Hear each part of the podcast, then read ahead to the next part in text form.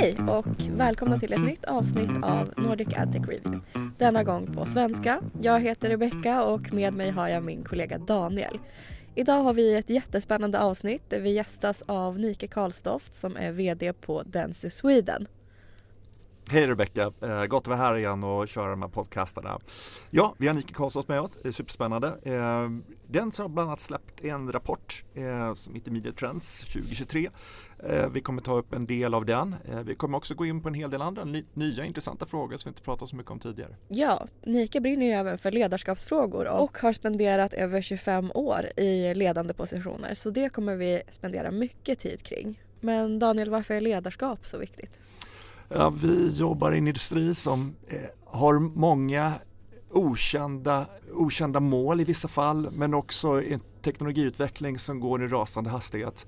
Det här ställer krav på både medarbetare och på chefer eh, och ledare i organisationerna att, eh, att gemensamt eh, hjälpa till att styra bolaget framåt. Eh, Nika har superintressanta erfarenheter från det och en av de små sakerna som är naturligtvis klassiskt, feedback är en intressant gåva. Ja, vi kommer få lära oss bland annat både hur man ger och tar feedback men också hur man bygger framgångsrika team. Så att, låt oss hoppa in i avsnittet. Jajamän.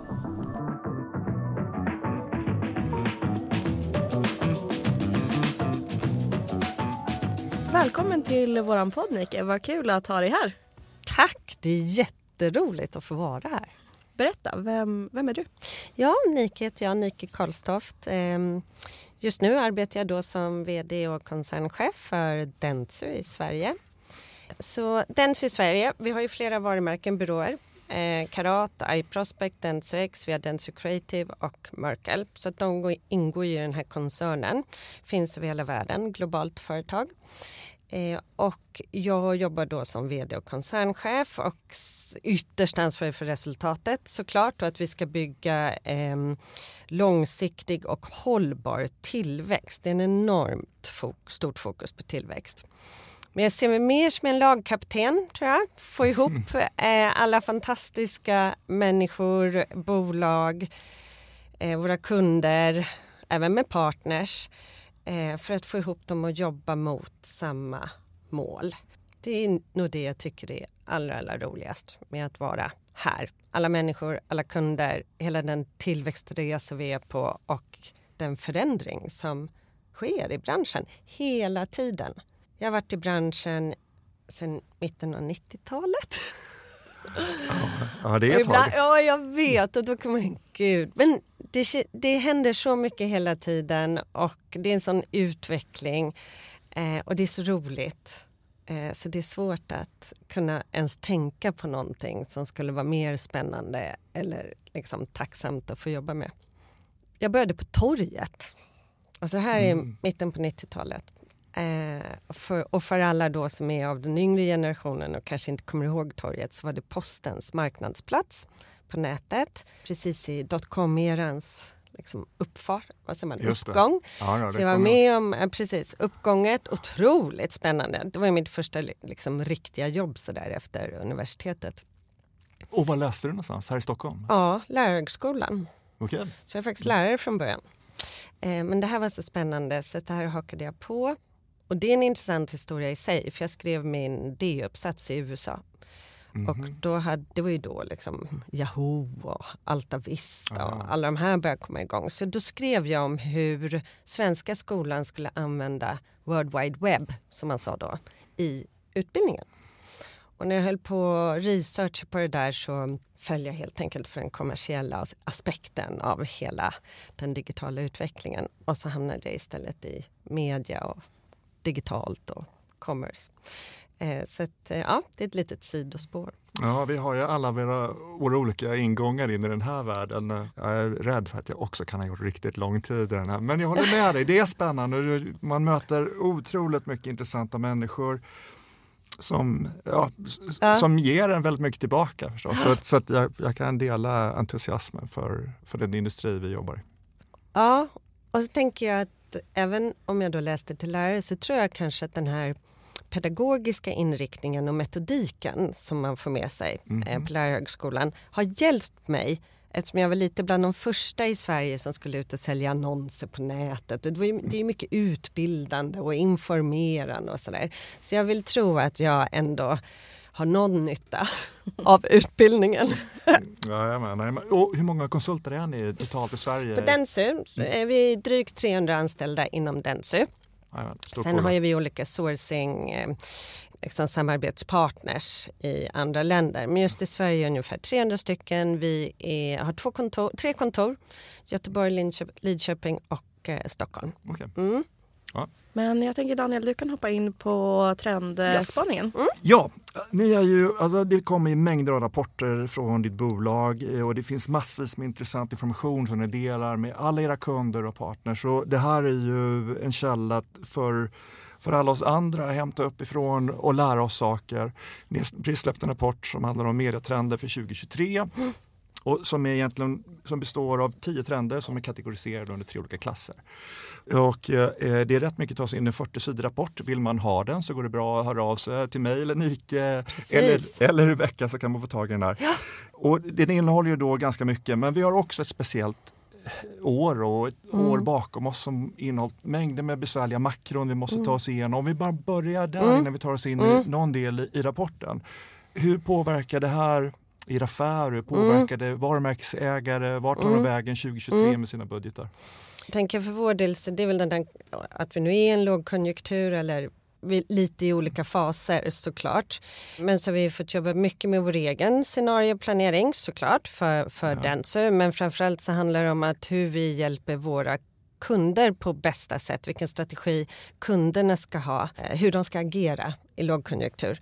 Eh, och oavsett om det om de har nytta eller inte utav den så behöver man hitta ett förhållningssätt till sin kommunikation och sin marknadsföring i förhållande till vilken situation konsumenten befinner sig i. Man kan se att när man är i en lågkonjunktur, eller historien visar sig att just lågpris och premium blir liksom de kategorier som går allra bäst för att det blir en liksom, ja, vad säger man, en vägdelare där. Många konsumenter behöver gå ännu mer på lågpris medan vissa kan unna sig att lägga mer pengar på liksom premium. Så kategori, alla de kategorier som är i mitten behöver egentligen mest hjälp. Och vi pratar mycket om vikten av att man fortsätter att balansera sitt varumärkesbyggande arbete tillsammans med mer transaktionsdrivet och försäljningsdrivet. Det finns uppdragsgivare som behöver skära ner och på sina investeringar och lätt vinklar över då till det som är transaktionsdrivet bra, bara. Och det försöker vi motverka. Att Just fortsätta det. bygga sitt mm. varumärke, eh, att försöka ta marknadsandelar. För det kan ju också bli mer kostnadseffektivt att ta marknadsandelar i en lågkonjunktur som man har nytta sen när man kommer ut. Mm. Eh, så det är mycket sådana diskussioner. Vi pratar också mycket med våra det är mest konsumentintensiva uppdragsgivare vi har. Så vi pratar också mycket om att de kanske ska, om de nu behöver minska något på sin marknadsföring, att de kanske ska styra om och jobba e lite mer med egen data, egna kundklubbar där de kan jobba upp en egen kompetens inom sitt CRM-område. För det är också något de kommer att ha nytta av när det om de bygger upp en ännu bättre kundbas, ännu mer information om konsumenten som de redan har eller sina kunder då, så kommer man kunna växla upp på det sen när det vänder igen och ja, den generella då svenskarna mer pengar i plånboken. Ja just det och det här är ju intressant och när du pratar mm. om den här tunnan då, övre mm. undre delen av tunnan och att man tenderar att gå ner till den lägre delen av tunnan, uh. man vill se avsluta affären mycket snabbare och, och har kanske inte råd att ha den stora stora varumärkesbudgeten mm. på samma Precis. sätt eh, längre. Och det, det jag tänkte bara med det, som min känsla är mm. att om du bara bygger där nere och inte här uppe mm. i tunnan så får du väldigt smalt rör längst ner. Mm. Så du måste ta de här investeringarna på något sätt för att faktiskt få någonting längre ner i tunneln, få avsluten, få konverteringarna. Uh, jag kan tänka mig det. Mm. Det är inte alldeles enkel dialog att ha med, med stora varumärkesägare som är oroliga för vad det här året ska... Exakt så är det och jag tänker att, att vara marknadschef idag det måste vara ett av de absolut mest komplexa jobben. Eh, verkligen. Och sitta med alla frågor och argumentera internt för varför det är viktigt att hålla fast mm. i sitt varumärke och in, liksom investera i bolaget. Så det är en jätteutmaning. Men det finns så mycket fakta, så mycket research, så mycket rapporter som vi kan hjälpa till att bygga det med. Okej, strålande. Eh, till rapporten då. Och den, har, den är klassad i tre huvudområden. Det är mm. content, innehåll, och det är commerce, affärsdelen eller retail och så finns community-delen. Under de här så finns de här tio olika grupperna eller områdena som ni har tittat på. Berätta vilken tycker du kanske är den mm. intressantaste nu om vi ska inte lägga för mycket tid på den? Ja absolut, det är mycket som är spännande. Men jag tycker att det är väldigt intressant med det som händer med rörlig bild. Mm -hmm. eh, rörlig bild eh, ja, analog-tv sen tidigare men med alla playkanaler. Det är ju fortfarande en stor del av våra kunders investeringar går i rörlig bild. Och nu är det spännande då att vi ser eh, att det kommer finnas annonsfinansierad video on demand och då tänker jag specifikt på Netflix och Disney plus som öppnar upp för annonsering. Det låter inte så stort och vi får ju se hur det går men om det slår väl ut så öppnar en helt ny värld för oss av ytterligare liksom, av målgrupper, konsumenter eh, för reklam som idag är svåra att nå. Yeah. Eh, så det tycker jag är spännande. Tänker också förutsatt att det här blir framgångsrikt, att andra kommer vilja ta efter. Och då kan man ju fråga sig hur länge vi kommer ha kvar analog tv. Mm -hmm. eh, jag tycker att det är intressant utifrån hela den kreativa aspekten eh, eftersom det kommer behövas nya kompetenser för att skapa de kreativa formaten som ska in i, i de här kanalerna. Och sen tekniken. Kunder behöver bygga vidare på sin egen data för att kunna liksom, få ihop sina egna målgrupper och om vi blir ännu duktigare då på att styra utifrån det här eh, så finns det möjligheter där också. Så det, det är en liten liten sak som händer för gemene man. Men för vår bransch så tror jag att det kan eh, verkligen utmana oss och utveckla oss. Här finns ju rätt mycket mm. man kan titta på. Då, mm. förstås, de stora skärmarna i vardagsrummet där vi är vana mm. haft linjär-tvn och så flyttar mm. CTV in dit. Och, och den är ju jättespännande förstås. Mm. Och det är väl dit man tänker sig att Netflix och Disney, Disney mm. Plus och de här kommer finnas. Um, nu, jag, jag, tror att Netflix lanserade i 12 marknader. Mm. Norden var inte en del av det. Nej, precis. Eh, tror du vi kommer få se Netflix eh, till exempel som en av de stora inom 12-24 månader här också? Jag tror det och jag hoppas det. Och många gånger så vill de globala företagen använda Sverige som en testmarknad. Mm. Så att, och med tanke på hur liksom, vi, ju, vi tittar ju väldigt mycket på rörlig bild i Sverige om man jämför med andra länder. Så jag hoppas verkligen, nu är inte det så stor marknad, men jag tror att de kommer komma och jag hoppas verkligen på det. Okej, okay, alltså, och mm. Disney, Disney också då mm. med deras AVOD-tjänst? Eh, mm. Okej, okay, intressant. Då får vi se hur det där går. Vi vet ju att du har en stark passion för ledarskap. Mm. Vad, vad är ledarskap för dig? Ja, det är en bra fråga. Det är, jag tror att det är det viktigaste som finns i ett företag. Och jag tycker definitivt att det är liksom en egen kompetens och skillset i sig. Eh, och jag tycker det är spännande att titta på det formella ledarskapet och det informella ledarskapet. Vissa kan kalla det för chefskap och ledarskap. När det går bra för ett företag eller när det inte går bra för ett företag, när det händer saker så kan man oftast borra i det där och så tar det oss tillbaka till ledarskapet för det är där det börjar. Speciellt om man har problem och börjar titta på problemen och hur de ska lösas så kan man oftast trockla tillbaka det hela vägen till ledarskapet. Att det är där det skaver om mm. det inte fungerar. Ehm, det formella ledarskapet kan man ju på ett sätt säga är lätt lättare att utöva även om det innebär ett större liksom, finansiellt ansvar. Men då har du ju en typ av mandat över de som rapporterar till dig eller att du äger affären. Det informella ledarskapet är precis lika spännande för att där behöver man ju verka genom att inf liksom influera och påverka. Eh, så det här informella ledarskapet som är nog så viktigt är också viktigt att sätta liksom sin skillset. Man kan kalla dem för ambassadörer eller vad vill nu.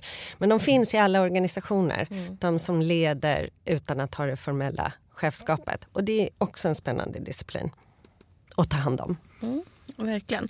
Du har ju jobbat inom ledarskaps positioner väldigt länge. Mm. Men jag tänker innan det, vad var din erfarenhet av ledarskap då? Hade du några bra eller dåliga upplevelser som du har tagit med dig eller som du vill göra, göra bättre själv? Ja, jag har haft mest bra upplevelser. Ja, vad roligt. Eh, Jag har förs- verkligen försökt tänka tillbaka. Jag upplever nog att jag har haft alltså, bra chefer eh, rätt igenom.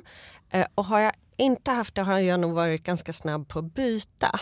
Okej. Och det är för mig ett litet tips för de som då kanske är lite yngre och, och ska ut i karriären. Att liksom researcha lite på vem som blir sin blir liksom närmsta chef och vad den har för track record och ta lite referenser. För det där är väldigt viktigt. Dels för hur man själv ska ta sig fram och vilken support och backup man får. Eh, men också för hur man ska trivas. Mm. Och det säger rätt mycket om företaget i sig vilka chefer de redan har utnämnt. Mm. Eh, Min sista, vår sista, den sista globala chefen som vi hade, Wendy Clark, det är också den första kvinnliga chefen. Och det är lite skrämmande när man tänker på det med tanke på hur länge jag har hållit på. Men hon var ett upp, helt fenomenal och då tänkte jag på vilka styrkor, vad är det hon hade som jag försöker bli inspirerad av. Och hennes förmåga att kommunicera och få med sig människor och ärligheten. Okej. Att prata om det som går bra men också prata om det som är svårt. Eh, och öppna upp för den typen av kritiska frågor. Och allt är ju inte perfekt när man är på en resa. Nej. Speciellt inte en transformationsresa. Eh, och det där, den där ärligheten och äktheten i det där. Det tycker jag är en jätteviktig egenskap. Och det är någonting du då har, har tagit med dig? Mm. Mm. Och ju längre man håller på desto tryggare man blir desto lättare är det tror jag också att, att använda sig av att man faktiskt är sig själv. Mm. Eh, så. Men kan inte du berätta lite mer om hennes kommunikation och vad som gjorde att den kändes Mm. positiv eller stark eller tydlig? Mm. Eller vad det nu Mm, absolut. Och det är säkert också för att jag är mån om det själv. Men just det här att vara, alltid tänka på att vara inspirerande. All kommunikation du gör skriftligt eller muntligt eller framförallt muntligt i alla föredrag och presentationer och möten med stora personalgrupper och företag. Att man säkerställer att man har en inspira- inspirerande del eh, och informativ.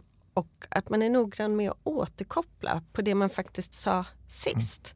Så att man får till den där röda tråden om den är kopplad till affärsplanen eller resultatutvecklingen eller något pågående projekt.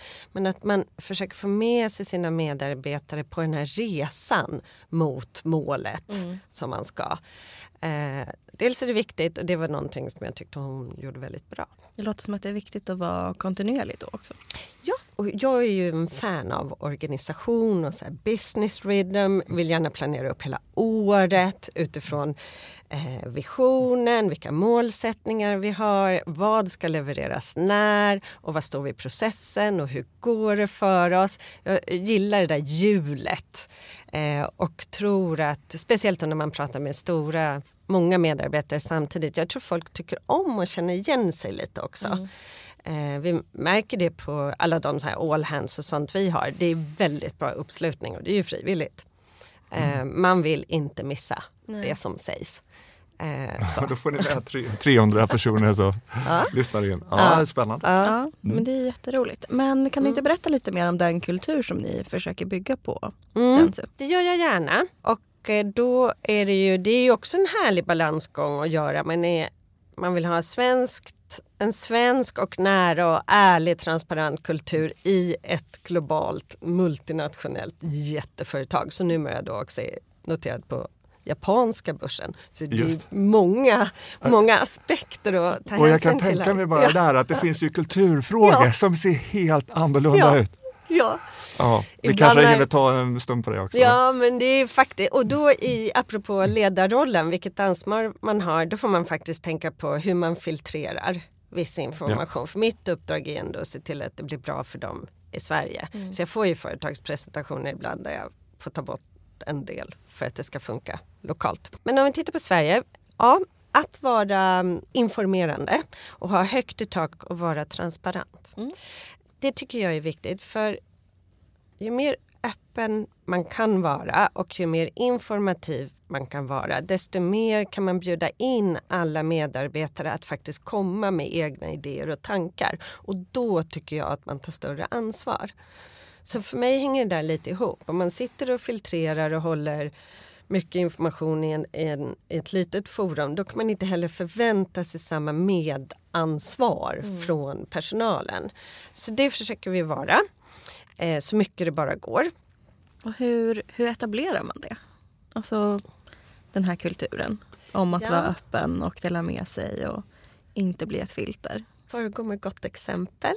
Och det är väl därför jag behöver vara så planerande med det här årshjulet. För jag vill hela tiden ligga ett steg före mina vd och mina chefer i organisationen. Så att vi följer det mönstret. Jag brukar kalla det för ett inkluderande ledarskap. Det är ett brett ord.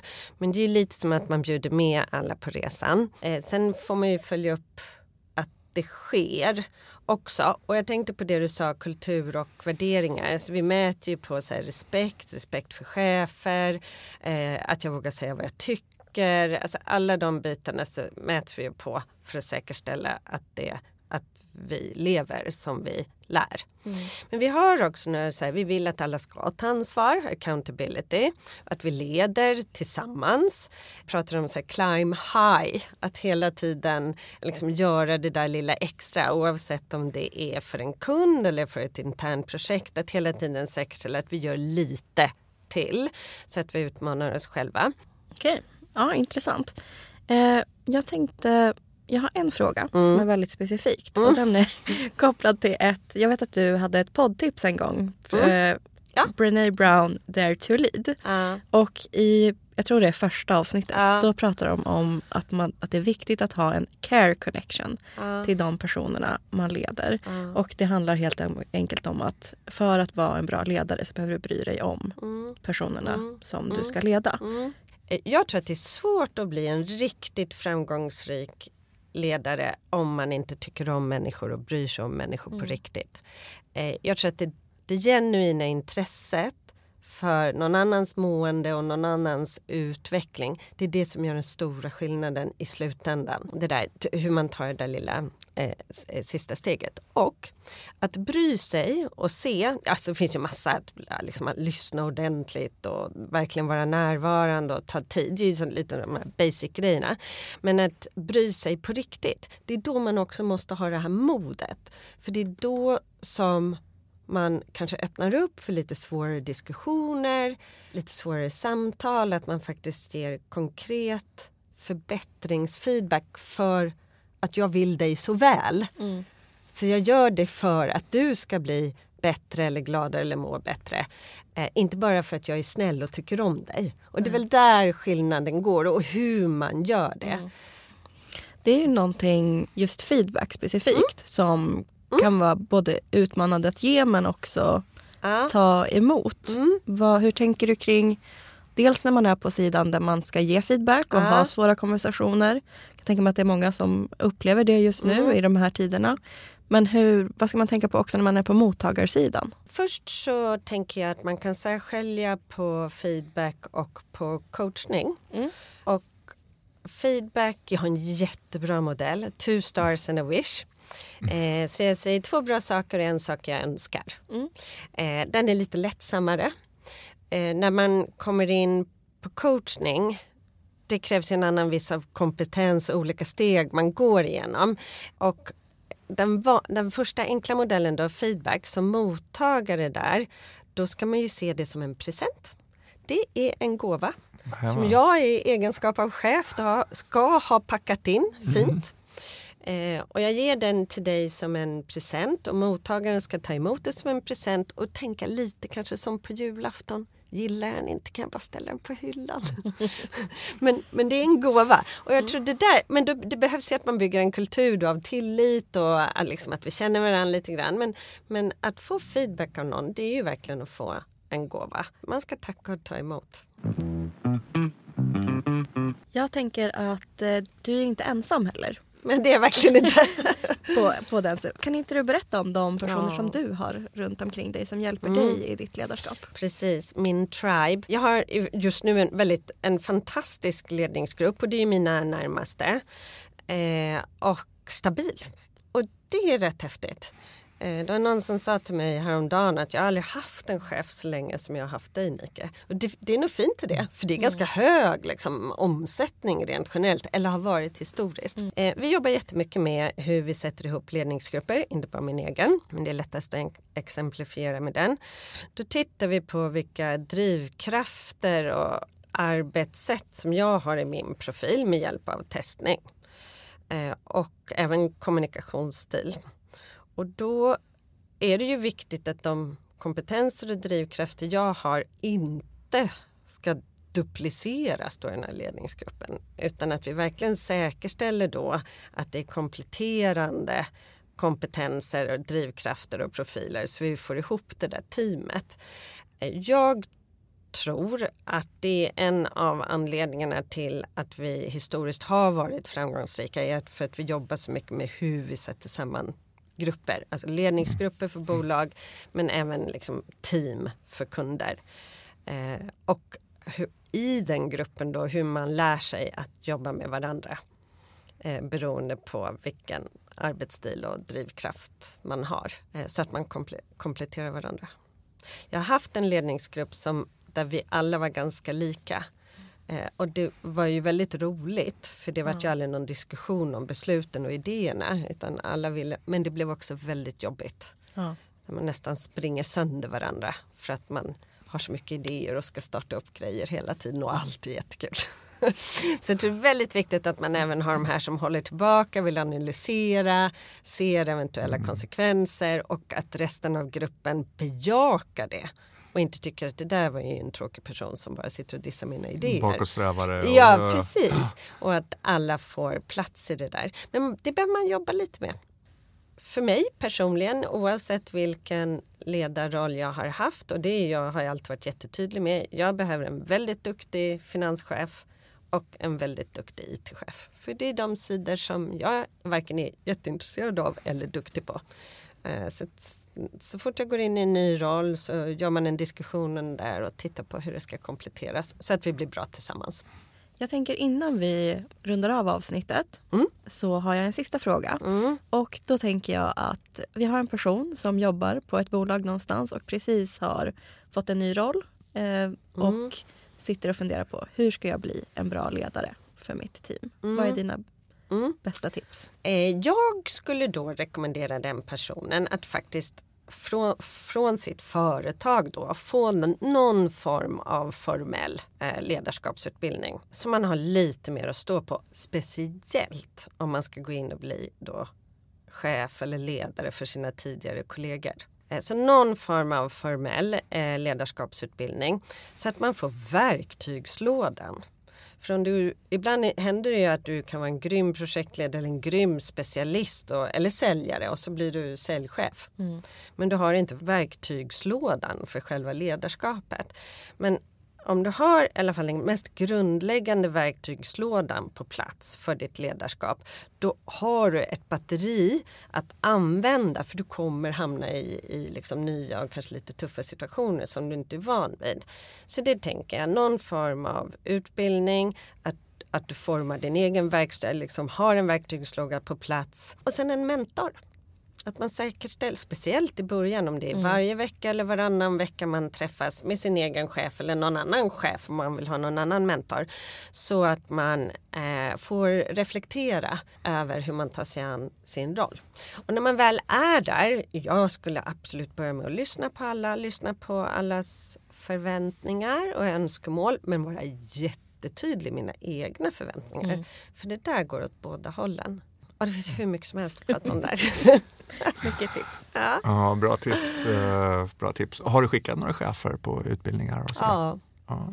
Och uh, ja, absolut. Mm. Uh, vi, nu, det, här är sånt, det, här är, det här är så viktigt för mig och men det är viktigt för den också. Eh, så att om du är på succession planning för en chefsroll, alltså om mm. du är mm. second in line till någon chef, då, då vet vi ju det och då tar vi med dem redan nu på vår egen liksom, mm. interna chefsutbildning så att de börjar liksom, få en känsla för vad, vad det innebär. om man jobbar så pass strukturerat med ledarskapet så får man också ganska tidigt en känsla för att det här kanske ändå är en person som söker ledarskapet för att bli chef och inte för att den faktiskt vill utöva ett inkluderande ledarskap. Mm. Och då måste man ju ta i det på en gång för att säkerställa då att man får in personen på andra tankar eller arbetar med de delar som behöver förbättras. Jag tänker det måste ju finnas situationer där det finns en person som kanske har ambitionen av att mm. bli chef mm. men just som du är inne på att så här, mm. inte ha rätt intentioner med det. Ja, och det är därför jag tänker också men så här, det är antingen liksom att man är chef, man kan ju vara specialistchef över någonting men man kanske inte har personalansvar. Mm. Det är skillnad om man har ett, ett specialistansvar och naturligtvis ett finansiellt ansvar eller om man just har ansvaret för all personal och deras utveckling. Men om du är en personalledande ja. chefsroll så är det jätteviktigt att man har det genuina intresset och att man har sina verktyg, i alla fall de mest grundläggande verktygen så att man kan utöva ett eh, hygien, vad säger, ett, ett hyfsat, hur ska man uttrycka sig, lägsta ah, nu, hur sätter man den? Ja. Men någon lägsta nivå, men nu fattar vad jag menar. Ja. Men man kan ut, i alla fall ett medelgott ja. ledarskap. När tycker du att man, om man hamnar i en situation man känner att det här kanske inte är för mig? Vissa som jag då tycker att det är det roligaste som finns och verkligen har ett genuint mm. intresse. Mm. Men man, det finns ju också medarbetare som i sin karriär behöver få några år av mm. formellt ledarskap på sitt CV mm. för att de sen ska kunna ta nästa liksom, trappsteg i karriären. Och då får man ju sörja för det. Mm. Okay. Vi sätter en treårsplan i den här chefspositionen. Vi jobbar med de delar som i din profil kanske är lite svagare. Mm. Du kommer tycka kanske att 70 av det du gör är kul och 30 inte det. Men då får du ta det. För du mm. behöver det för ditt nästa liksom, trappsteg i karriären. Så det viktigaste är att lägga allt på bordet, både känslor och fakta om ditt ledarskap. Det finns ingen värdering i det så länge det är tydligt. Mm. Men tycker du att det finns någon gång när en person helt enkelt inte borde ha personalansvar eller går det alltid att jobba på? Eller hur tänker du kring det? De allra flesta jag har jobbat med har det gått att jobba på. Eh, däremot så blir de inte så långvariga. Mm i sina eh, chefsroller. Eh, och är det intelligenta, smarta och värdefulla personer för, liksom som i vårt fall, vår verksamhet, då går det ju att hitta en annan roll som passar bättre. Så det hamnar, ham, handlar ju om den där rollmatchningen. Mm. Eh, men sen tänker jag att det finns säkerligen människor som har fått chefsroller fast de inte är lämpade för det. Och återigen, då är det yttersta ledningens ansvar och lösa det. Ja. Och är du en organisation med icke lämpliga chefer, då tror jag man ska börja titta uppåt och titta på hur det ser ut längst upp. För då finns de där också. Mm. Yes. Tack så jättemycket för att du har varit med i vår podd och för alla värdefulla tips och insikter kring ledarskap. Tack! Nike Karlstoft, ja. eh, VD, koncernchef på Dentsu Sverige. Strålande att ha det här, tusen tack. Ja, för... Så roligt, jag skulle kunna fortsätta hur länge som helst. ja. Vi får köra en del två helt enkelt. Oh, yes. Och tack till alla som har lyssnat in på vår podcast igen. Eh, vi hoppas vi kommer tillbaka snart med ett nytt avsnitt. Så tusen tack för den här gången och hörs snart.